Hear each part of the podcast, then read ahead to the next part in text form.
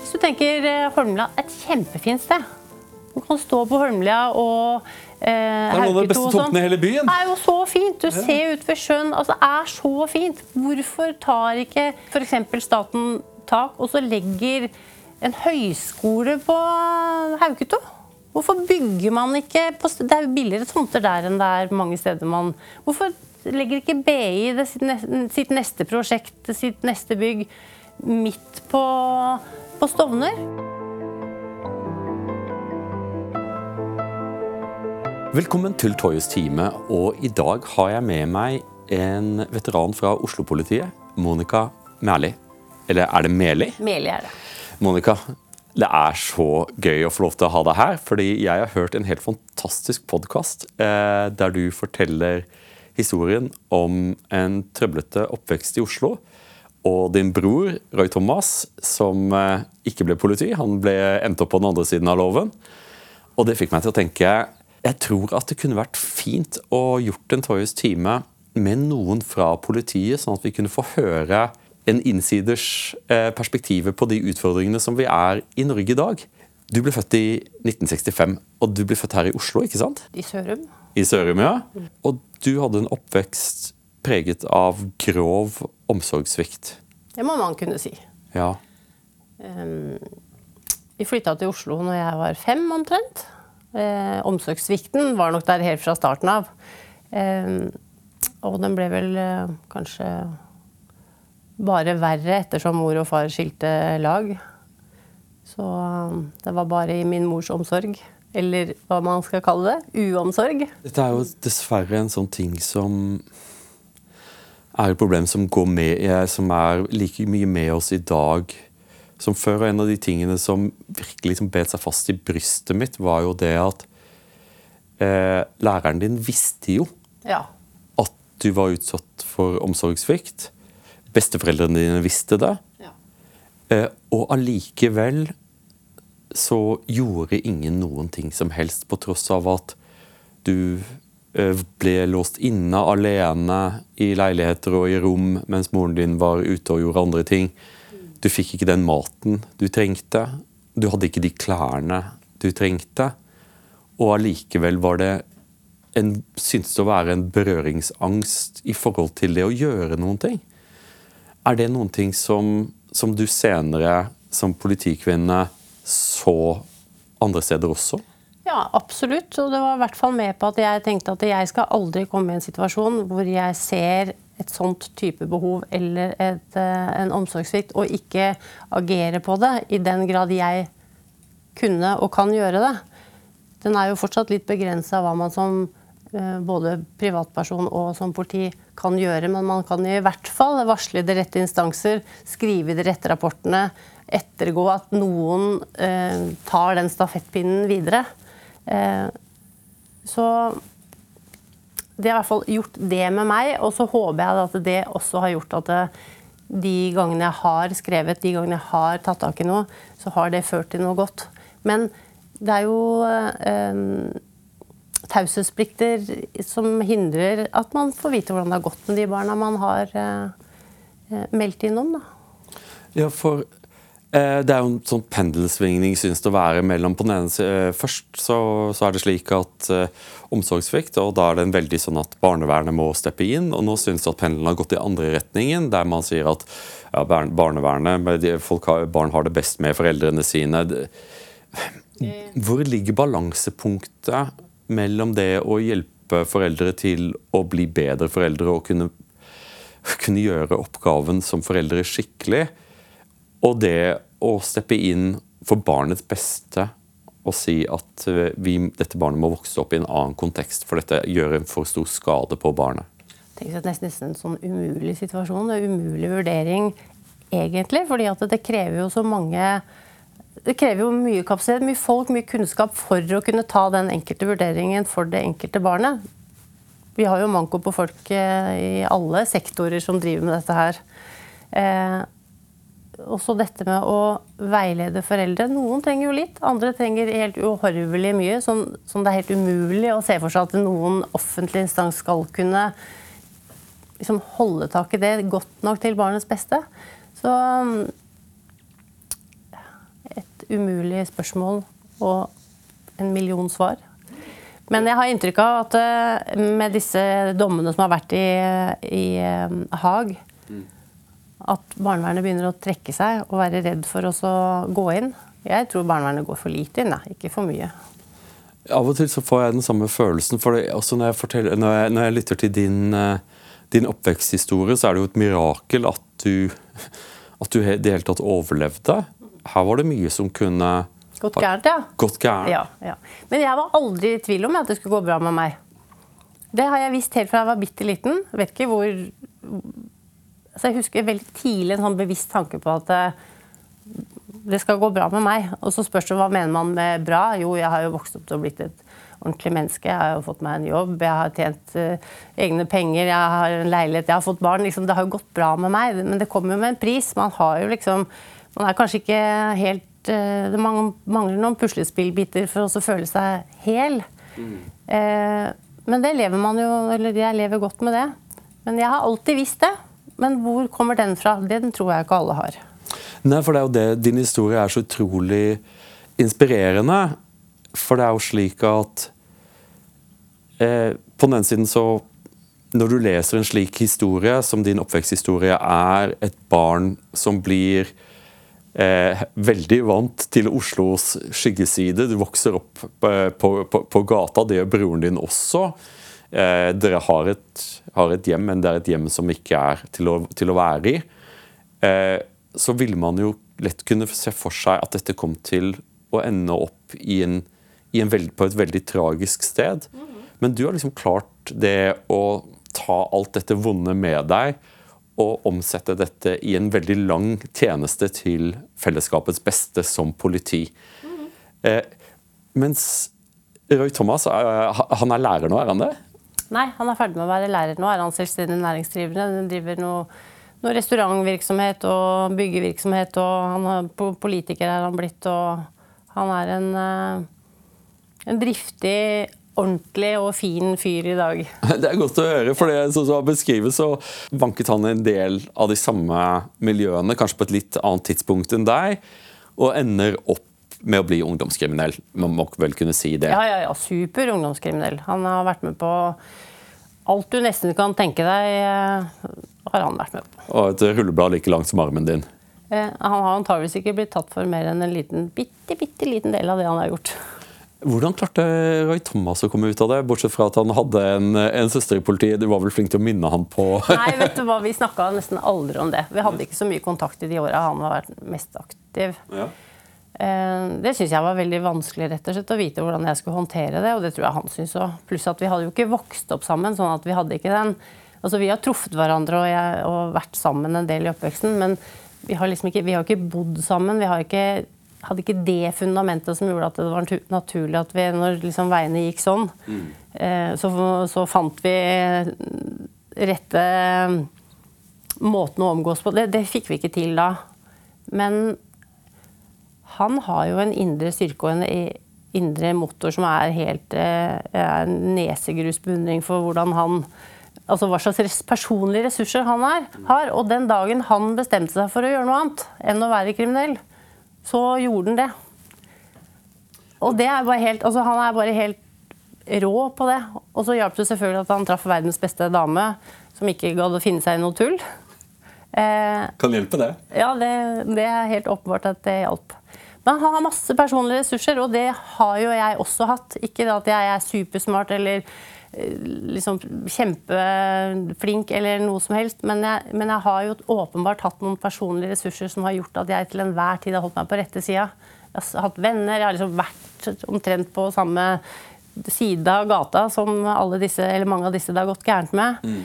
Um, men jeg har alltid, selv da, stått i meg sjøl og tenkt det, det er ikke meg.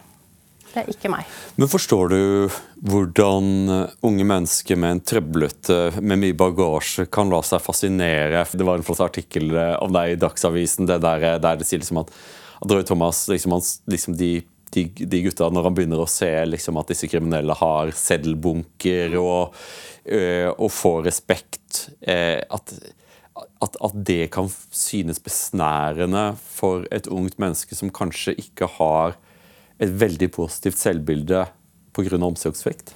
Ja, Det har jeg ikke noe problem med å skjønne. det hele Selv om jeg ikke jeg finner ikke det noe sted inni meg sjøl. Har aldri funnet det. Men jeg, men jeg, har ikke noe problem med å forstå det. det jeg, når jeg begynner å trøbbel med å forstå det, det er når, man, når det begynner å gå på liksom, vold og trusler. og liksom, Vi er forbi det punktet hvor du kan stjele noe eller selge noe som du ikke ser at det direkte går utover, og så ende opp med penger og ha fine ting. Det skjønner jeg. Men jeg har litt problemer med å forstå den derre voldsmentaliteten, brutaliteten, som veldig mange unge er med på og opplever i ja, ganske mange steder i Oslo nå. Jeg tror det er viktig at folk som uh, har liksom, konservative tilbøyeligheter, ikke lar seg liksom, svelge av den amerikanske veldig, veldig tøffe uh, politiinnfallsvinkelen, der målet er å å fakke og dømme og sette inne så lenge som overhodet mulig. Folk som er dømt for alvorlige forbrytelser i USA, har over 80 tilbakefallsrate når de kommer ut i samfunnet igjen. Noen ting som ikke er til samfunnets beste. Så målet må jo være rehabilitering, samtidig som eh, det kan jo heller ikke være slik at folk får fripass til å fortsette. Eh, og Det er jo noe vi ser i, det ser vi jo i debattene nå, at du har ungdomskriminelle som eh, blir tatt igjen og igjen og igjen, og det får aldri noen konsekvenser som biter på dem. Vi har jo ikke noen midler for å straffe unge lovbrytere. Det å få noen under 18 år i varetekt, f.eks. Mm. Det er så vanskelig, for da skal alt annet være prøvd. Og vi har jo ikke institusjoner, vi har jo ikke fengsler, vi har ikke ungdomsfengsler som er eh, egna eller bra lagd for unge lovbrytere. Det er, det er liksom, vi snakker om noen få, få plasser. Det å begå lovbrudd alvorligere og alvorligere, gang på gang, inn, avhør, ut Du har jo, det, du har jo ikke noen følelse av at, at det vil få noen konsekvens. Mm. Det, og det får jo ikke det sånn rent strafferettslig heller. Det får jo en konsekvens for dem etter hvert. Det kommer de jo til å oppdage. Men eh, så, og så, nå snakker man jo nok en gang om dette at man skal få eh, lov, unge lovbrytere gjennom den der mølla mye fortere. Det har, jo, det har man jo snakka om mange ganger før òg. Skjer ikke. Men er det en frustrasjon i politiet over at dere gjør jobben deres, men at de andre lenkene i den kjeda, som handler om påtalemyndighet, sosiale tjenester, barnevern, Eh, Kø i domstolene. domstolene. Ikke sant? Ja. Eh, ja er, den frustrasjonen er ganske stor. For, for um, vi har jo ganske mange gjengangere. Mm. Som er fra 14 til 20. For å snakke om de unge, da. Mm. Eh, det er ganske mange av dem, men det er selvfølgelig ikke eh, flertallet. Det er en ting jeg har lyst til å hoppe, hoppe inn på. det der Når man eh, snakker om kriminelle gjenger, kriminelle grupper, folk. Mm. F.eks. på, på um, Hauketo, eh, Holmlia Oppi det strøket der. Ja.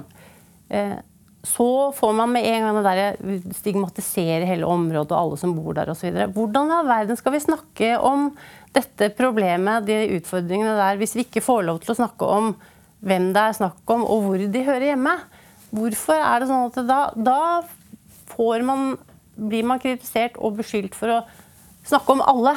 Mm. Vi snakker jo ikke om alle, vi snakker om de kriminelle, vi snakker om de som er problemet. Vi snakker ikke om de andre som bor der, de som oppfører seg, har det fint og lever sine bra liv. Vi snakker ikke om dem. Men det er liksom ikke lov.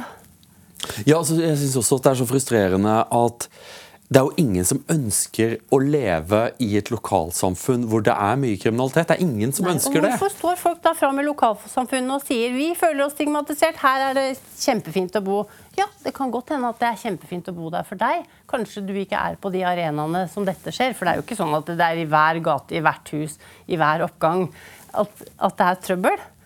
Men hvem er det du representerer? Jo, du representerer de som ikke har noen problemer, da. Det er jo den utfordringen som vi ser i forhold til såkalte svenske tilstander.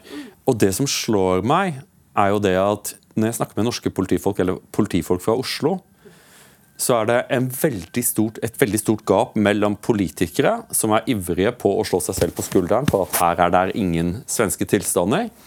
Samtidig som jeg snakker med svenske politifolk, altså garva politifolk, som har, folk som har stått i tjenesten en stund, hva de beskriver, er en, en tiltagende trend av uh, en ganske liten gruppe mennesker. Ofte ting som går i familier, faktisk.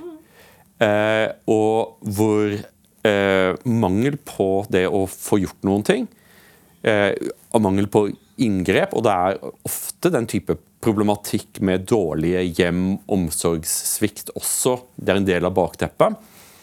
Men ikke nødvendigvis. Ikke nødvendigvis, men, men hvor en det å være kriminell, kriminell, som livsstil brer om seg, og etter hvert får store eh, ganske store grupperinger som begynner å kives om de samme ressursgrunnlaget, med hypervold som, eh, som resultat. Samtidig som at en trend som jeg, jeg ble sånn overrasket når jeg snakket med norske politifolk, er jo det at uviljen til å vitne i flerkulturelle nabolag du, Vi snakker om Stovner, Holmlia, Hauke 2. Eh, folk vil ikke snakke med politiet. og hvis de vil snakke... Det er ikke bare vitne, vet du. Det er, ja, det er helt ned til ja. snakke om den minste lille ting. Ja. Snitcher ikke. Nei, ikke, ikke sant. Og dette er jo en sånn underlig ting pga. at Norge er jo et helt vanvittig høytillitssamfunn. Vi er faktisk, eh, Etter mål så er vi jo, etter World Value Survey så er vi jo helt i toppen av de mest tillitsfulle samfunnene i verden. Hvor den opprinnelige befolkningen eh, har veldig høy tillit til politiet, og med god grunn. Eh, politiet har gjort en god jobb i Norge. Vi har hatt veldig lav, eh, lave tall for kriminalitet. kriminalitet har, alvorlig kriminalitet har gjennomgående blitt oppklart. Og så kommer vi, ser vi over grensa til Sverige, hvor svært alvorlig kriminalitet, drap, ikke blir, opp, eh, blir, oppklart i De fleste drap i Sverige blir jo ikke oppklart. Så man har endt opp i en helt umulig situasjon, mens i Norge så synes det som at det fremdeles ikke er noen vilje til å ta de grepene, hvis det finnes noen grep. Hvilke grep tror du at vi kunne ha gjort for å eh, nå, nå da spør jeg deg som, ikke som eh, som politiker, for det er du ikke. Og heller ikke som sandsiger, det er du ei heller. Men du er en polititjenestemann som har, som har jobba i Oslo-politiet et helt liv. Pensjonert er viktig å si, da. Ja, pensjonert. Ja. Ja. Um, hvis vi tenker på uh, hvordan vi håndterte andre ting tidligere, f.eks. da jeg jobba på Urepatruljen, så var det sånn at noen utesteder, noen parker, uh, ble det solgt mye narkotika i, i små kvanta. Mm. Eh, og som det danna seg et sånt miljø som gjør at her, politiet får ikke komme inn her. Truende. Eh, flokking osv. Det vi gjorde da, det var jo egentlig å samle nok folk til å gå inn på de stedene og bare si at sånn skal det ikke være. Mm. Den gangen fikk vi til det. Selv om det var i mye mindre grad, eller i mye mindre omfang sånn Sofienbergparken var et sted hvor enkelte politipatruljer i, i, et par år hadde problemer med å kunne liksom kjøre inn og, og, snakke til de som satt der og røyka hasj og solgte osv. Mm. Da sånn lite krigsråd. Sånn skal det ikke være. Politiet skal kunne gå hvor som helst. Ja. Eh, for det er, det er, faktisk sånn det skal være. Eh, så hadde vi jo en ransbølge i Norge noen år. Mm. Som kulminerte i Nokas. Der var jo politiet unnfallende i mange år. Der satser man jo ikke virkelig alle kluter til på alle disse ranene som var oppe gjennom. Kan tenke deg, Vi hadde jo ransforsøk på, eh, på Postgirobygget bare et halvt år før Nokas. Der ble det altså skutt mot politiet 300 meter eller noe sånt unna politihuset. Mm reagerte norsk politi sånn som de burde, med håret rett opp og her må vi liksom, Sånn kan vi ikke ha det. Mm. Min oppfatning, og vi som jobba eh, sammen eh, i det miljøet der, sånn, da, har inntrykk av at det, man våkna ikke ordentlig. Man våkna ikke ordentlig før man kom til Nokas. Da satte man jo absolutt alle kluter til og sørga for å få tatt hver lille kart som hadde hatt med det å gjøre. Mm. Eh, har... Men da hadde de skutt en politimann? Da hadde de skutt en politimann, og det var det som skulle til. Jeg tror det samme hadde skjedd om det ikke var en politimann. Mm.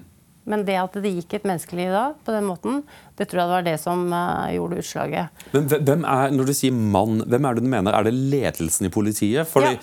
Det er jo ikke slik at, eh, at, dette her er en, at dette er en klubb der vi blir enige om reglene. Dette Nei. er jo dette er en ekstremt hierarkisk ja. eh, organisasjon. Men så eh, det kan jo godt være at man har tatt noen gode avgjørelser, at dette har vært diskutert og man har egentlig ment gode ting, men det har ikke sklidd ned til oss som har vært på mitt nivå. i hvert fall. Vi var jo egentlig litt sånn sjokkert over hvor i liten grad man gjenspeilte hvor alvorlig vi syns det var at det blir skutt i Oslo sentrum. Mm. Eh, Nå skjer jo det nesten hver uke. Ja, ikke, ja, det gjør det.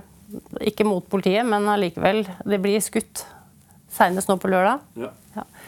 Um, og at uh, fra man tok tak i det på Nokas, så fikk man jo plukka veldig mange personer uh, som var i ransmiljøet. Og de få tilfellene som var i etterkant, var vi liksom veldig på. Mm. Og det gjorde at plutselig var det ikke flere ran.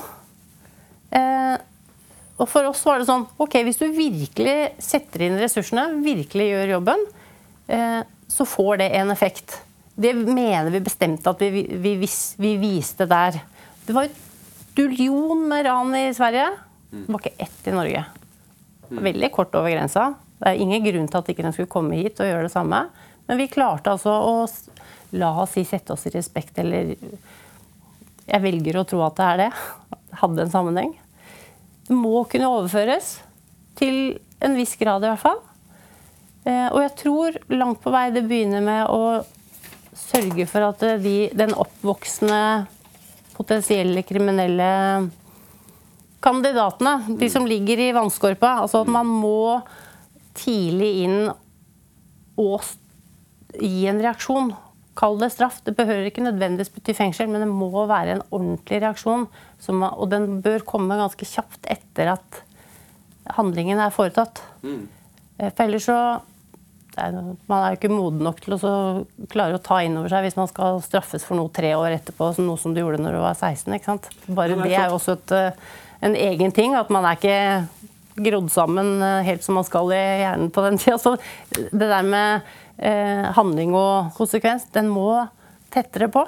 Men hva med Syns du at vi bør skjerpe straffenivået i Norge for den type kriminalitet som skaper offentlig usikkerhet. For det, Noe av utfordringen med akkurat den type synlig kriminalitet, og det blir vel ikke mer synlig enn at noen avfyrer et håndvåpen i, i, på et offentlig sted, eh, bør, vi, bør vi bli tungere på labben når det gjelder straffeutmålingen? Ikke sånn generelt, tror jeg. Man kan heller bruke de straffe, eh, det strafferommet som er. Altså det, fordi man legger seg ofte litt lavt. Men eh, det som har vært eh, Noe som jeg har tenkt på i mange mange år, det er det der med å oppbevare og bære våpen, er det veldig lav straff for. Du må liksom faktisk bruke det for at det skal være farlig, liksom, i henhold til hvordan loven Eller jeg tror loven egentlig gi rom for å, å gi strengere straff der òg, Men sånn historisk så har det i hvert fall vært veldig liten straff for å ha et våpen. Bære et våpen, ha et ladd våpen i bilen, gå med kniv, ha kniv. Hva skal du med det? Du, du, du har jo ikke noe aktverdig formål for å ha et Gå med et skytevåpen. Eller gå med en kniv. Uh, men det har liksom ikke vært fælt mye straff for å få. altså. Nei, for Det gikk litt sånn kaldt nedover ryggen på meg, for jeg har fulgt den svenske debatten. og en av grunnene og nå skal jeg si noen ting, og så, kommer, så kan, kan, det bare være uenig, men så jeg mener at kriminologene har vært en kjempestort problem i Sverige pga. at hver gang det har kommet et varsku om at dette her er i ferd med å gå ordentlig ordentlig ille, så er det en kriminolog som heter Jerzy Serendekki, som har skrevet den samme kronikken om igjen og om igjen. og om igjen, og De, de, gikk bare kaldt nedover ryggen med da jeg så to norske kriminologer, Elvik Ness og Hjort, eh, i Aftenposten skriver en gjennomgang av 51 kriminologistudier finner at innvandring faktisk har liten effekt på kriminalitet. Og dette er jo da eh, det som Jerzy Serendekki har bidratt med, som har, gjort, har bidratt på, eh, til å gjøre at det offentlige ordskiftet omkring kriminalitet i, i, eh, og hjemkriminalitet i Sverige ikke ikke har blitt kortslutta på sett og vis. Da. Akademikerne har stått på siden og sagt at allting er rasisme, og, eh, og vært veldig opptatt av en sånn importert Black Lives Matter-type mm. greie. Eh, og så er det bare så utrolig trist å se at deres kolleger i Norge, når vi nå ser 2023 at det er tilløp til noen ganske alvorlige utfordringer på steder sånn som Hauketo, Mortensrud eh, eh, Grønland, det er ja. Og egentlig så Også, og jeg, jeg, var, eh, jeg var i byen, og så ser jeg det du beskriver. Politiet kommer for å eh, Området nede ved, nede ved Akerselva eh, ved eh, Hva heter det høye hotellet? Oslo Plaza. Ja. Ikke sant?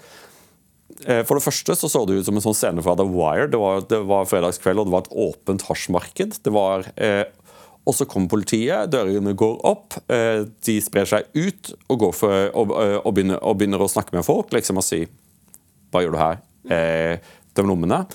Eh, så, og, så ser du en annen gruppe går til angrep på politibilen i det øyeblikket de hadde gått ut og det overrasket meg. For meg var det sånn, Som norsk borger så var det, var det sjokkartet. På grunn av at ja, du kan jo være så fargeblind du vil, liksom. Men dette, dette, var, eh, dette var innvandrere, og de snakket engelsk seg imellom.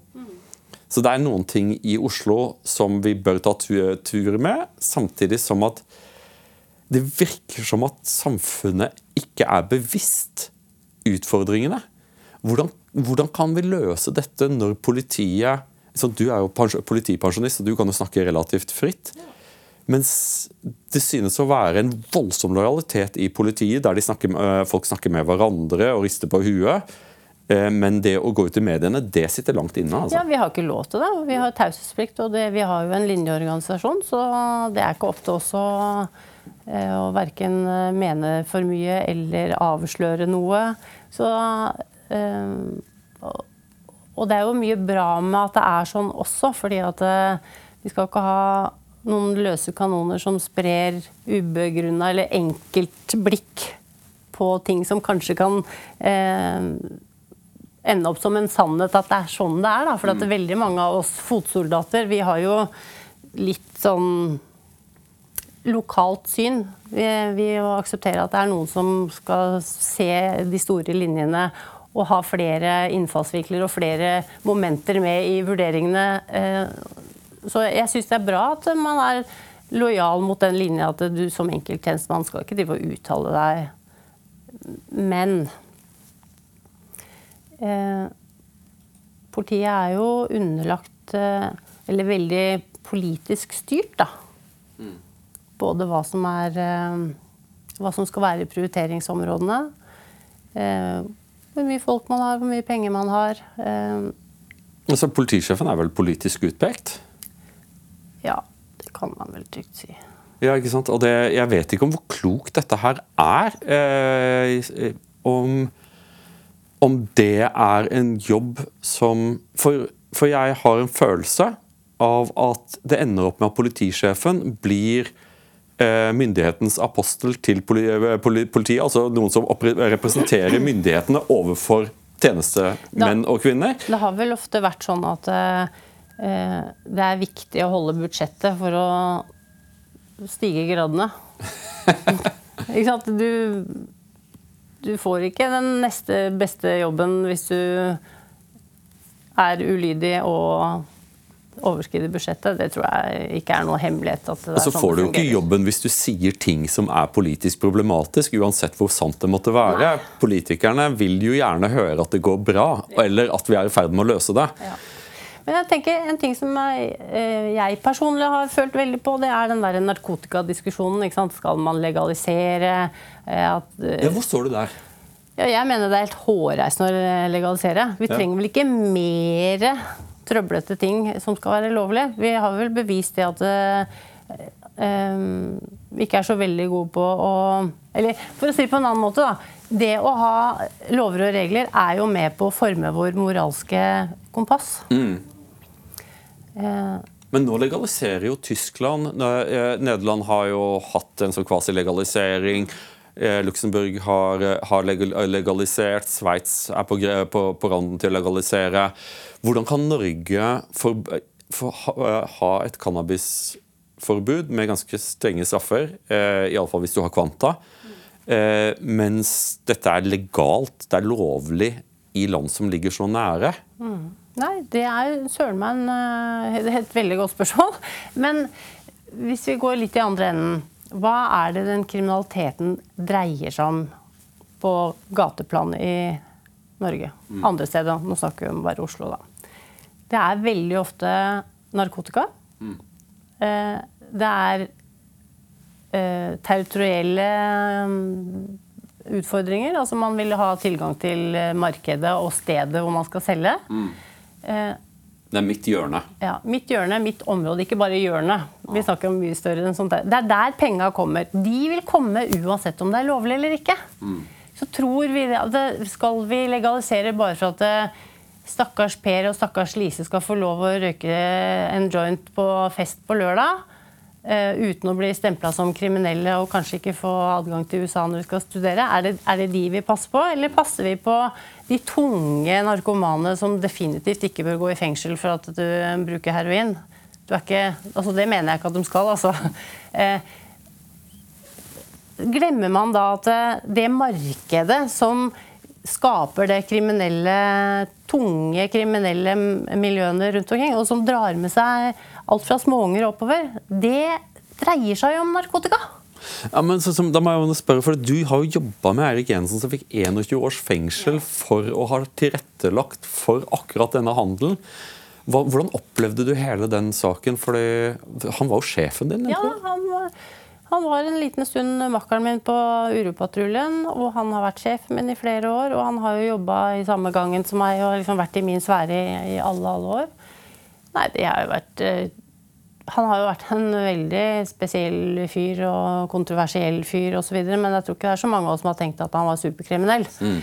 Men, eh, men eh, etter hvert som Jeg fulgte jo ganske godt med på på, gjennom rettssaken og har lest dommene osv. Så, videre. så jeg er vel sånn Syns det er vanskelig å være uenig i de dommene, for å si det sånn. Jeg har ikke lyst til å si noe mer om den siden av det. Mm. Ja, men, men sånn vanskelig og vondt. Han representerer jo på én måte hele etaten. På en annen måte så representerer han seg jo heldigvis bare seg sjøl. Men eh, det var hjertevondt. Ja, for, han, eh, for vi, vi, vi, har jo ikke noe annet valg enn at vi må stole på rettssystemet, at rettssystemet har kommet fram til riktig konklusjon. eller Vi kan ikke drive, drive med konspirasjoner her. Eh, og, og, han er dømt for å ha lagt til rette for eh, smugling og distribusjon av store mengder cannabis.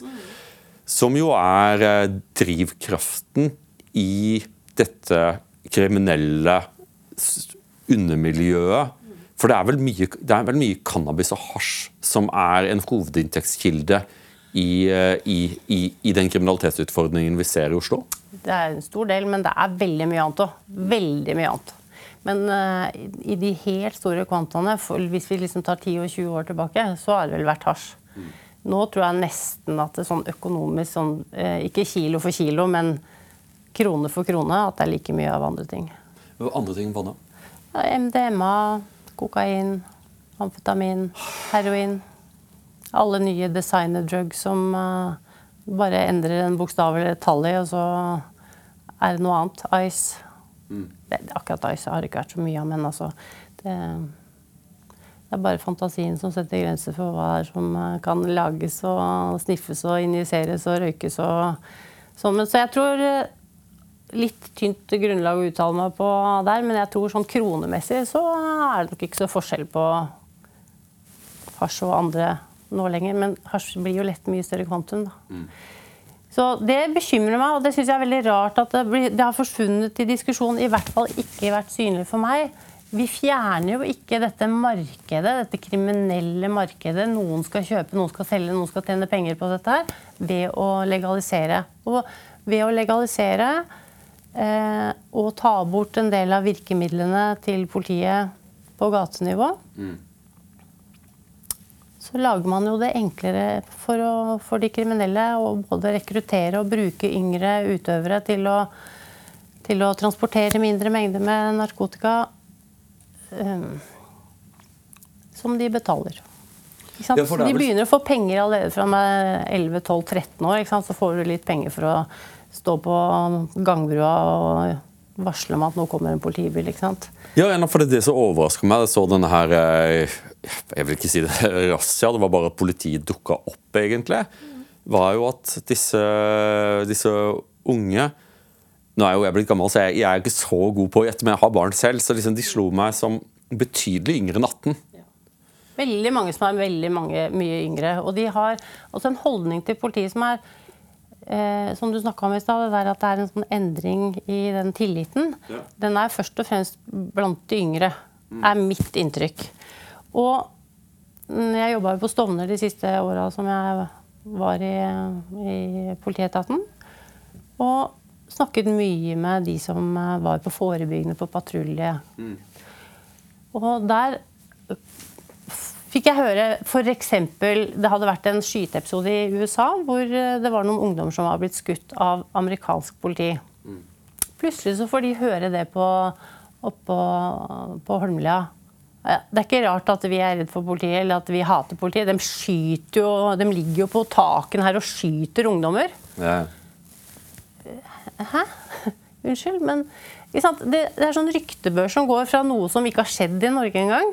Og så blir det en sånn san, eller en sannhet i en del miljøer at vi har gjort, norsk politi har gjort ting som bare ikke um, har noen rot i virkeligheten i det hele tatt. Det var helt vilt. ikke sant? Så var I Storbritannia, når da Black Lives Matter blåste inn i Europa, så står da demonstranter og skriker til politiet i London 'don't shoot'. Politiet i London er ikke bevæpnet.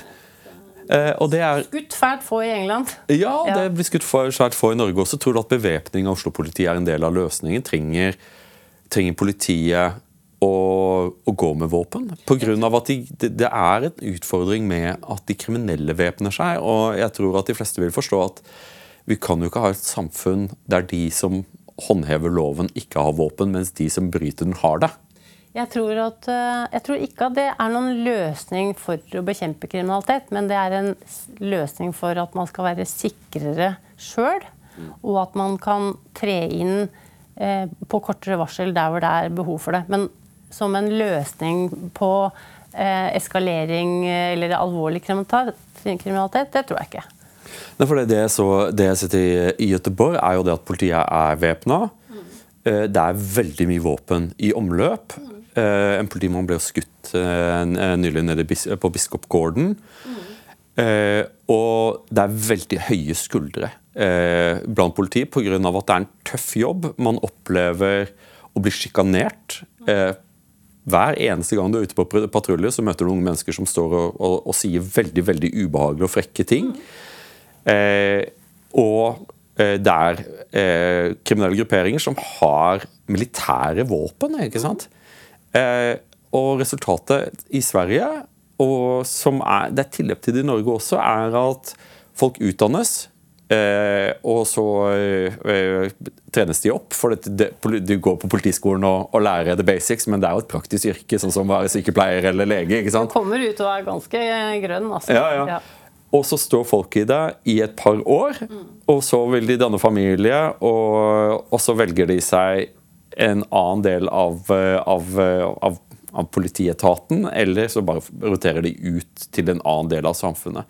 Hvordan skal vi kunne klare å holde på politifolk og, og den kompetansen som de bygger seg opp over tid, ikke bare i forhold til å eh, å, å være sånn inspektør Snut, at du kjenner igjen, Ja, ja. men også det å klare å håndtere folk og få en personlighet som roer ting ned. For det var veldig imponerende eh, eh, i, Göteborg å se hvor rolige de var, og hvordan situasjoner som etter min fattige oppfatning eh, eller bevissthet ville lett kunne ha gått gærent. Eh, jeg var med, jeg ble, for, jeg ble forbanna veldig fort. da. Ja, eh, og kjente at det begynte å brenne på ørene.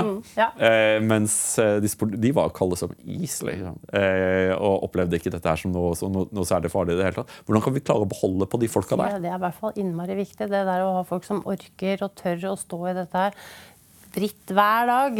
Ja. Ehm, Og du kan ikke gå hjem og dumpe det på ektefellen din heller. Ikke hver dag. Det, en, nå utdanner vi jo masse folk, det har vi gjort de siste ti åra, som ikke får jobb. Så det å sørge for at eh, det er nok folk på jobb til at du eh, kan gjøre noe mer enn å bare haste fra sted til sted. Ja. Altså at du får tid til å gjøre det du skal, og føle deg trygg på at eh, hvis hvis det eskalerer, så er det nok andre folk på jobb til at du får den støtten du trenger. Det å alltid drive med sånn marginalen, ikke sant. Det, det, er en, en, Jeg tror det er en sånn usikkerhet som man kjenner på. Kanskje ikke tenker bevisst på hver dag, men at det er en usikkerhet. Tenk på hvordan det er i distrikter hvor det er 100 mil til nærmeste andre patrulje. Det, det syns jeg høres helt for jævlig ut. Men, men for å holde oss til Oslo, da. Nok folk. Eh, det må jo være et eller annet uh, belønningssystem der, også der. Det er ikke sånn at du må bytte ut av patruljer for å kunne få en eller annen høyere grad, eller så det må være flere utviklingsmuligheter mm. for dem som uh, står i tjeneste lenge. Um, der, å bli satt pris på, det, det, vil jo alle i jobben sin. Men hvordan får vi til det? Hvordan får vi til at publikum eh, samfunnet setter pris på de som står i det, det veit jeg ikke. Altså. Men det har man jo behov for. For det der å bli mistrodd, da det er så liksom, tenke at politiet Du er bare for eget Du er kjip, du er politi, du er bare ute etter du, er, Det er det du, li, du, liker å plage folk? Ja, ikke sant? Ja, du liker å plage folk. Det gjør noe med deg. Mm. Jeg, mitt inntrykk i hvert fall, det er at det er veldig få politifolk som jeg har møtt, som ikke har et oppriktig ønske om å gå på jobb for å gjøre noe bra. Da. Ikke sånn mor Teresa og redde verden osv., men liksom faktisk gjøre en ålreit jobb med de rette eh, gr moralske grunnprinsippene Ryggmargsrefleksen. At den, er liksom sånn noenlunde på plass. Det er mitt inntrykk av alle de jeg har jobba med. Det er noen få utskudd, selvfølgelig. og Noen som kanskje burde hatt en annen jobb. Men liksom det aller, aller største grosset er fine folk som gjør så godt de kan. Ja, altså det, det jo, jeg, jeg, må si at det er forbløffende få. Eh, så det er tydeligvis at silingsmekanismene funker. og så er det en sånn ting som jeg synes at nordmenn kan lære litt. Vi skal ikke importere altfor mye fra USA. men det å, eh, I USA så er det jo litt sånn at, eh, at folk tar seg bryet med å 'thank you for your service'. At du, ja. at du takker politifolk. At du viser jeg bodde i New York i en periode, og, det å se newyorkere når de går forbi en, eh, en politibetjent på gata, og smile og si 'thank you for your service' pga. at New York hadde et veldig tøft 80-tall og 70-tall. Så kom Giuliani og ja, ikke sant? Ja. Det sitter fortsatt igjen i befolkningen at de vet at politiet skaper trygghet, og at de viser en grad av takknemlighet. Jeg tror at det kunne være en del av løsningen. Men sånn som nå det tror jeg er litt optimistisk. Men jeg, men jeg, har en ting til. og det er at eh, Vi har jo blitt veldig akademiske. Ja. Sånn at å komme inn på Politihøgskolen i dag, det er jo 5,4 i snitt eller noe sånt. Ja, ja. Eh, og man skal jo ikke undervurdere betydningen av eh, intelligens eh, og skoleflinkhet. Men jeg tror vi går glipp av veldig mye gode håndverkere og polititjenestemenn ved å med det systemet som er i dag. Men det er også som nå er det jo slik at eh, ordet har gått ut fra den høye port om at eh, Oslo politi skal bli mer mangfoldig. Eh, og jeg synes det var litt sånn interessant, for jeg forsøkte også å lese meg opp på forskning omkring dette. Det var så mye sirkulær forskning på grunn av at altså forskning som stipulerer at det å ha en politistyrke som har ulike hudfarger primært, og kanskje også seksuelle orienteringer, at det er et gode i seg selv. men jeg fant ingen studier som kunne, som kunne, kunne vise dette i form av flere domsfellelser eller fallende kriminalitetstall. Eh, det ble bare ansett for å være en fordel. Og så, så ringte jeg opp eh, noen politifolk jeg kjenner som, eh, i Hereford, eh, Herefordshire Police i Storbritannia og i Glasgow. Og det som kommer fram, da, er utfordringen med en slik rekruttering er at i likhet med i Norge, så er det veldig akademisk tungt å kunne bli politi. Så, det, så med de folkene med innvandrerbakgrunn som, er, som når, eh, når, lista, da, mm. de er jo veldig ettertraktede. Eh, for alle ønsker jo flinke innvandrere. Eh, alle deler av offentlig sektor. Så disse, eh, disse, folkene de tilbringer ofte veldig lite tid på gata før de blir dratt oppover i organisasjonen og ender opp i administrasjonen, eller forsvinner ut til andre yrkesgrupper.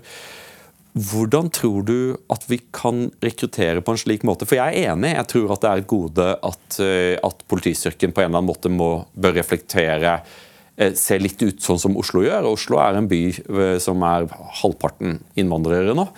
Men hvordan tror du at man kan rekruttere slik at man får inn flere av disse når man skal ha så skyhøye karakterkrav? Samme problematikken enten de skal være ved flerkulturelle eller eller heilnorske ti generasjoner bakover. Mm. Så trenger vi jo de der som faktisk ikke har denne, eh, nødvendigvis den ambisjonen om å bare klatre. Mm. Um, uansett så mener jeg at vi må Man må være god i norsk. Man må forstå lagene i språket mm. for å bli en god politimann, enten man egentlig går med turban eller bunad. Mm. Eh, og hvis vi glipper på det, det ser jeg en fare for. fordi at du skal både forstå alle lagene i, man, altså i kommunikasjonen, både skriftlig og muntlig. Mm. Og man skal også kunne skrive altså, er, Så enkelt er det egentlig, tenker jeg, at man må må være god i norsk. Det er ikke det kravet man må fire på hvis man skal ha inn eh, kalle sekkebetegnelsen innvandrere. Man er jo kanskje ikke innvandrer engang eller hvis man er født i Norge. Nei, SSB klassifiserer det Hvis du har to innvandrerforeldre, så klassifiseres du fremdeles som innvandrer. Men så, jeg tror at jeg har snakka en del med politifolk, og det som slår meg, er at politifolk er ganske fargeblinde. Det de ønsker fra sine eh, kolleger, er at de er kompetente. De ønsker kompetente kolleger og gir egentlig blanke i hva slags landsbakgrunn du måtte ha, hvilke høytider du feirer. Da er det språket som er det som er, så knytter oss sammen. For da går det an å skjønne hverandre. Hvis man snakker samme språket og skjønner hva som ligger i i dybden i språket, mm. da spiller det ingen rolle hvor du kommer fra. Mm. Eh, eh, og da Dette her med å ha for uh, høye karakterkrav, det tror jeg kommer til å bite oss noe skikkelig i ræva ganske så snart. For vi får inn masse flinke folk mm.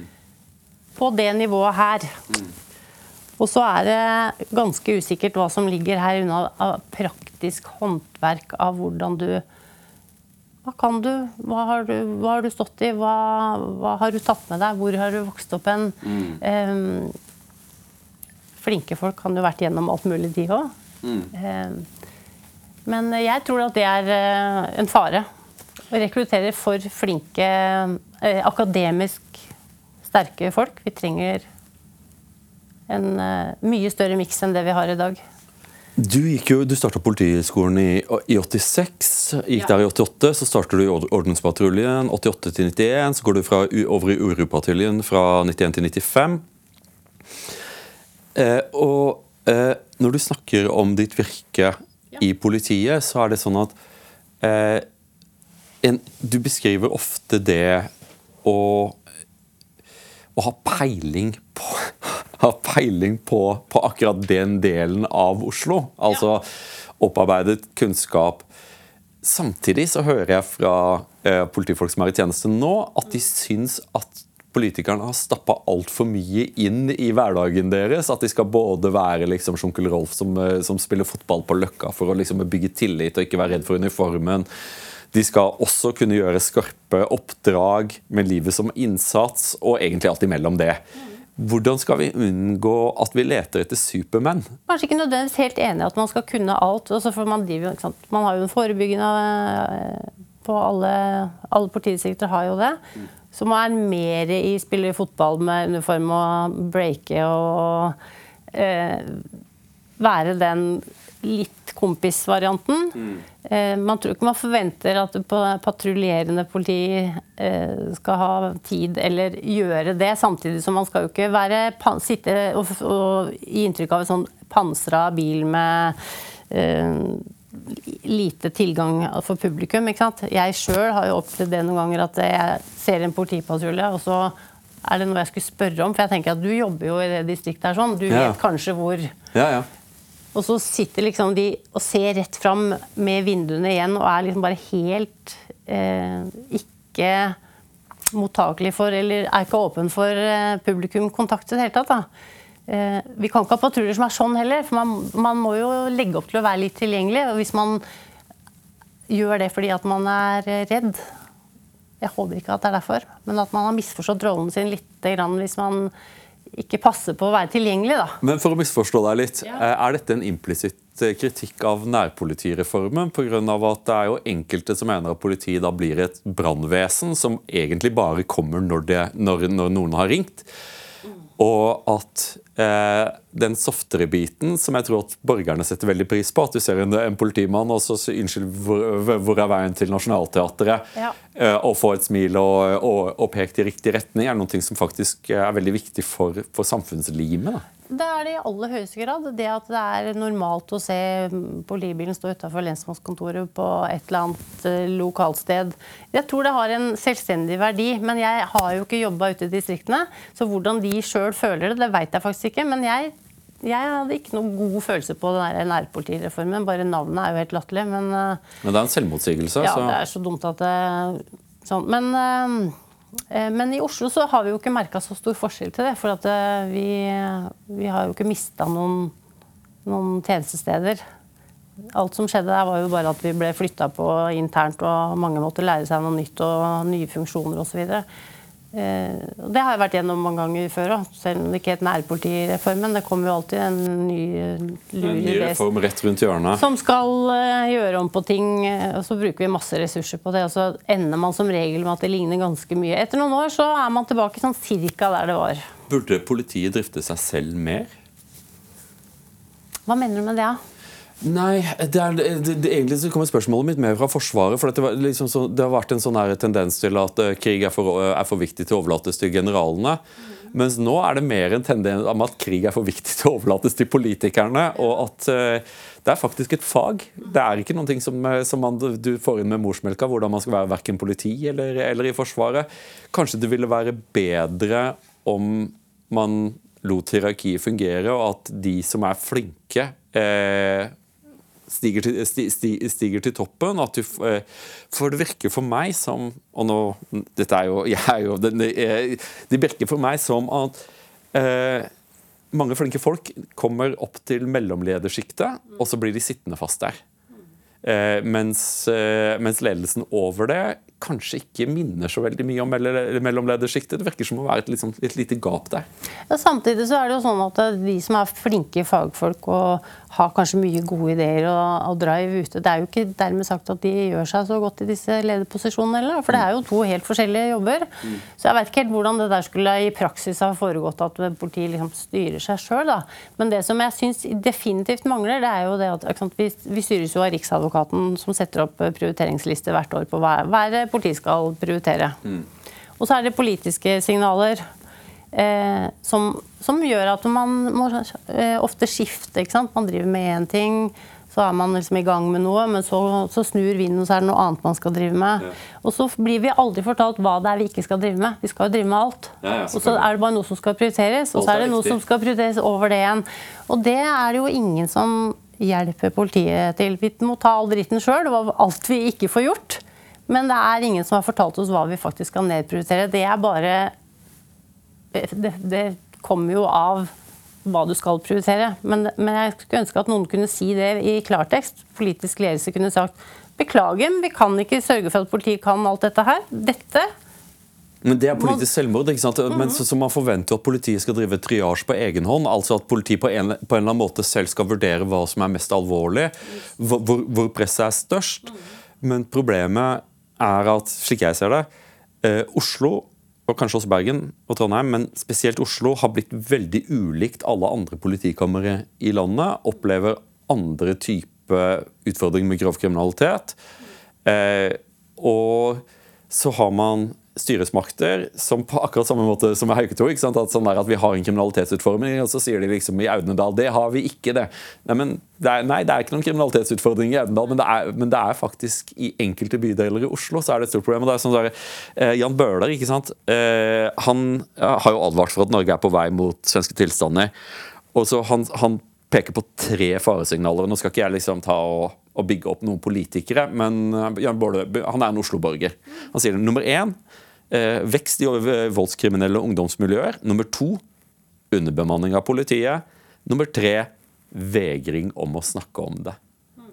Vil du være enig med Jan Bøhler at, at dette er de tre tingene uh, hvor, hvor, skoen trykker mest? Uh, ja. Vil gjerne putte på dette med at uh, domstoler også er jo både underbemanna og gjør at det liksom blir en propp i systemet der sånn. Mm. Eh, definitivt. Men å, man, å, bemanne opp politiet har jo bare en begrensa verdi, fordi at vi er jo en eh, ledd i en kjede. Mm. Så alle leddene som du snakket om til å begynne med, liksom må, jo, må, jo, henge sammen. For hvis vi produserer saker, da, mm. så er det noen som skal etterforske dem, og så skal påtale ta ut eller beslutte hva som skal skje med dem. Og så skal kanskje barnevernet inn, og så skal kanskje noe eh, Noe skal til domstol, noe skal til ungdomsstraff. Eh, hver gang et av disse leddene ikke virker, så hjelper det på en måte ikke at politiet har manna opp, annet enn at man kanskje kunne ha Hvis man har nok styrke, da, så er det kanskje noe man eh, klarer å forhindre skal skje. Mm. Nå er det jo brannslokking. Nå er det brannslokking. Men altså, jeg synes det er så håpfullt, for jeg tok og snakka med en, en, politileder i Glasgow, som jeg har vært Europas drapshovedstad før, eh, før, Sverige kom til et punkt hvor deres drapsrate er nå to og en halv ganger høyere enn det europeiske gjennomsnittet, og 80% av dødelige skytinger er uoppklarte. Men så, så jeg, eh, jeg, tenkte jo at ja, nå, får, nå, nå, får, jeg høre det. Men i Glasgow så har de faktisk fått til det. Og det har vært sånn inspirerende. Jeg vil bare ta så nevne det for deg. For liksom, de klarte da å finne en kombinasjon av det å, å være hard og det å bruke eh, å bruke alle eh, kjedene i lenka. Så, så, det de gjorde, var at de hadde masse gjengproblematikk. Mm. Og så inviterte de da eh, alle eh, lederne og, eh, og, de gjengkriminelle. Alle sammen ble beordret til politihuset. Som da de marsjerer inn mens politiet sitter på politihester eh, med, med politihelikopter hengende over dem. Inne i auditoriet så står politisjefen, og så kjører han slideshow. Kjenner du deg selv igjen? Der står du og selger heroin. Du, ja. Kjenner deg selv igjen? Der går du med kniv. Det er jo ikke sånn at vi, ikke, vi, vi vet jo hvem dere er, vi vet hva dere har gjort, og jeg er kommet her for å fortelle dere at det slutter nå. For nå har vi fått nye gjenglover. Nå kommer vi til å straffe hele gruppen. Eh, og så tenker du ja, nå, nå er det Dirty Harry, ikke sant? Mm. Men fakta var jo det at så brakte de sosiale tjenester inn Eh, til å ha samtale med, med medlemmer. og så, så, så var det Et eksempel som sa liksom at sette seg ned og så si liksom at ja, ja, du, du, du kommer til å ende opp i fengsel.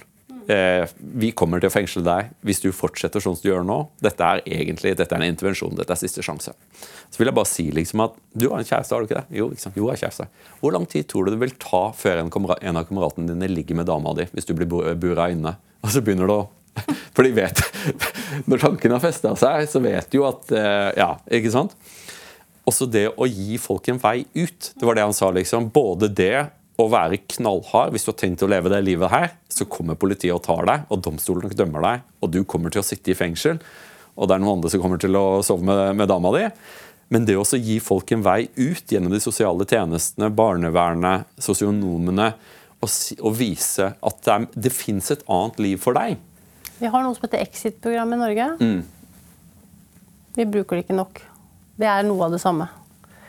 Det burde utvikles og rulles ut. Og, men, men, vi har et problem med samhandlende tjenester. Ikke vrangvilje, men det er altfor mange skranker mellom alle disse etatene og instansene. Men, kan, men, det skjer jo bra ting også. fordi at F.eks. For i eh, syd i distriktet, altså Holmlia i området der sånn, så er det sånn Politiet kan jo ikke sørge for at alle disse ungdommene ikke begår kriminalitet. Men vi kan f.eks. snakke med eh, Hva heter det? Park og idrett. Vi, det, vi, har, vi, har, funnet ut at eh, Parkvesenet? Nei, men øh, Som et eksempel, da. Ja. Et sted er det så mørkt, og der samles mye ungdommer. Vi vil ha lys der. Vi vil ha klippet en hekk, sånn at folk som går der, kan se litt på avstand hva som skjer, og at ikke folk kan gjemme seg. Vi, eh, politiet Enhet Øst, som det heter, som har Stovner og Manglerud, eh, samhandler jo med, med både moskeer og skoler og idrettslag osv. Når det er eh, Sian skal ha noe Eh, demonstrasjon eller en eh, Hva kaller de det? De kaller en eh, ja. Autodafé, er det der når de skal brenne koraner? Ja. ja.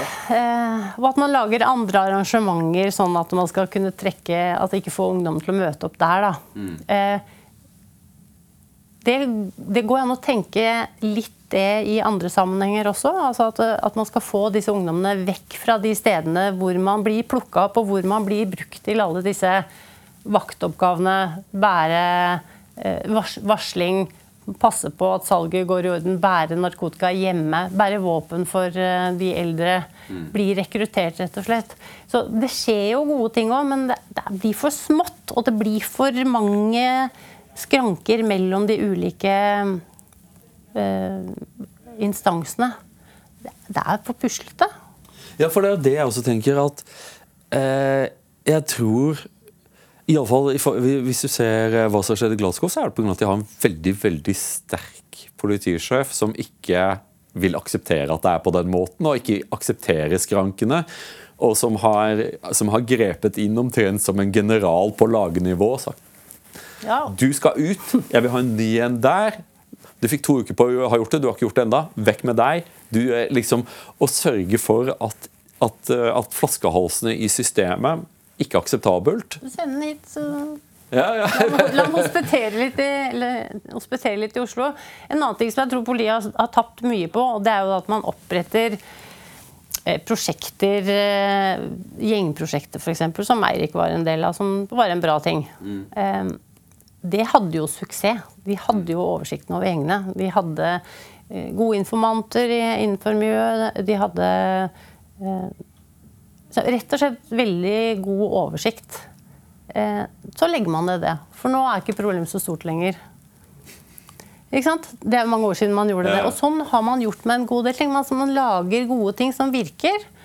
Og når det har virka så godt at problemet ikke er like stort lenger, da har man lagt det ned det er jo så forstemmende at myndighetene ikke ser hvor viktig det, Og det tenker jeg som samfunnsforsker, at de eh, Norge har hatt en enorm innvandring. Da jeg ble født, eh, så var det noe sånn som 0,4% av Norges befolkning i 1974 som var av innvandrerbakgrunn. I dag så er det tallet tett oppunder 20 eh, Og med dette så kommer det en del integrasjonsutfordringer. Veldig mange bare glir, glir inn og, og fra første stavtak. Enkelte går det ikke like, like greit med.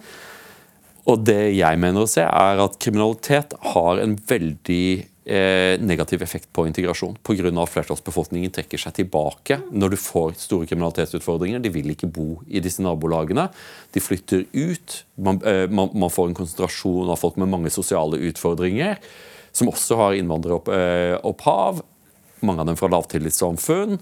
Politiet får en mye tøffere hverdag. Det er interessant hva du, hva du, hva du sier om øh, å, å, få flere politi, og kanskje, eh, og, og, kanskje det å få, få, folk som er villige til å stå lenger i det. For jeg, jeg har hørt riktig at det å sørge for at, at folk kan nå til både status og god lønn selv om de ikke beveger seg oppover i etasjene i Grønlandsære 44 det, det, det, forstår du, det er det du ser som en del av løsningen her? En del av løsningen, ja. En bitte liten del, kanskje. Og så, ja, For å få folk til å stå Man er jo nødt til å premiere.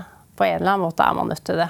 Ellers så Sånn er vi jo. Vi ønsker jo høyere lønn og vi ønsker en eller annen tittel eller eh, noe mer på skuldrene eller noe sånt. Eh, men, men eh, ta tak i en tanke som jeg hadde her. Dette her med eh, områder som blir prega av vold og kriminalitet. Lite Så folk flytter ut. Skoler får uh, mye trøbbel. Mye e, kanskje Ikke enstarta kundegrunnlag, men, uh, men uh, blir ikke valgt altså Fritt skolevalg eksempel, mener jeg er en tragedie for, for ungdommer som er i Sårbar ungdom, da. Mm som har, eh, ikke har karakter til å komme inn på de fineste skolene. Det blir mye utfordringer samla på skole bare av den grunn. Eh, det syns jeg er bare så trist. Det fritt skolevalg det gagner bare de flinke elevene, sånn som jeg ser det. Hvis du tenker eh, Holmlia, et kjempefint sted. Du kan stå på Holmlia og eh, Hauketo og sånn. Det er jo så fint! Du ja. ser ut ved sjøen. Altså, det er så fint. Hvorfor tar ikke Eh, staten eller ja, f.eks. staten tak, og så legger en høyskole på Hauketo. Hvorfor bygger man ikke på, Det er jo billigere tomter der enn det er mange steder man Hvorfor legger ikke BI det sitt, sitt neste prosjekt, sitt neste bygg, midt på, på Stovner? For Stovner ville bli en hvit bydel i løpet av 20 år. Det er jo det som skjedde med, med Jeg, jeg studerte jo ved Columbia-universitetet. Columbia-universitetet ligger rett ved Harlem. Ja. Og når da eh, Colombia begynner å utvide inn i Harlem, ja. så tenker man at det vil skape veldig positive ringvirkninger. Det som skjer, er jo det at det blir hvite nabolag. Eh, Pga. boligprisene stiger i været. Ja, men et eller annet sted skal jo alle disse menneskene som i dag bor der. Mm.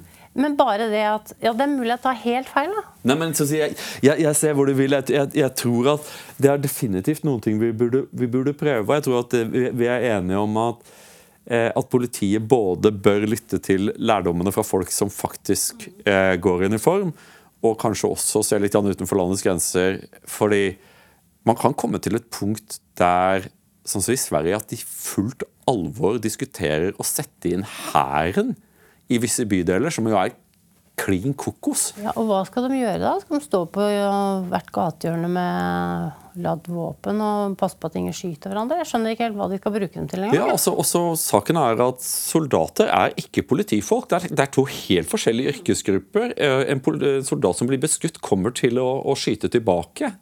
Det, det, det kommer jo politiet til å gjøre òg, hvis du blir skutt på. ja, men politiet har vel ikke Har jo ikke helautomatiske automatvåpen å skyte Nei. tilbake med. Nei. Eh, så jeg vil gjerne ta så før vi Monica Meli eh, Jeg vil gjerne ta så før vi avslutter, ta så vende tilbake til der vi startet. Du kommer ut av en trøblete barndom Eh, vært i barnevernet. Hva i all verden fikk deg til å ønske å bli politi? Ja, det veit jeg faktisk ikke. For eh, jeg kan huske at jeg hadde den tanken veldig veldig tidlig. Uten at jeg eh, klarer å feste den til noe spesielt. Og jeg hadde jo ikke noen god opplevelse med politiet sjøl da jeg var liten. For jeg var jo mye ute og vandra mm. fra jeg var veldig liten. Og jeg ble enten helt oversett, selv om du gikk på gata klokka fire om natta og var åtte-ti år, så kjørte politiet bare rett forbi meg. Eller jeg ble kjeppjagd eh, hjem, eller skriket til, eller Altså, jeg opplevde ikke mange hyggelige eh, eller oppbyggelige møter med politiet. Eh, så jeg veit faktisk ikke helt hvor jeg har det fra. Men det var helt bestemt. Jeg husker hvert fra, fra jeg var tolv år, jeg var helt sikker på at det var det jeg skulle bli. Jeg skulle bli veterinær eller politi. Nå jobber jeg på veterinær, så jeg får tatt den del litt nå. Det, Meli, det har vært så hyggelig å prate med deg. Tusen takk for at du ville komme på Torjus time. Og så oppmuntrer jeg seerne og lytterne til å lytte til noen av de andre podkastene du har gjort. Du er et av de mest interessante menneskene som jeg har snublet over på min vei. Jeg er så glad for at du ville komme og snakke med meg i dag. Takk for det.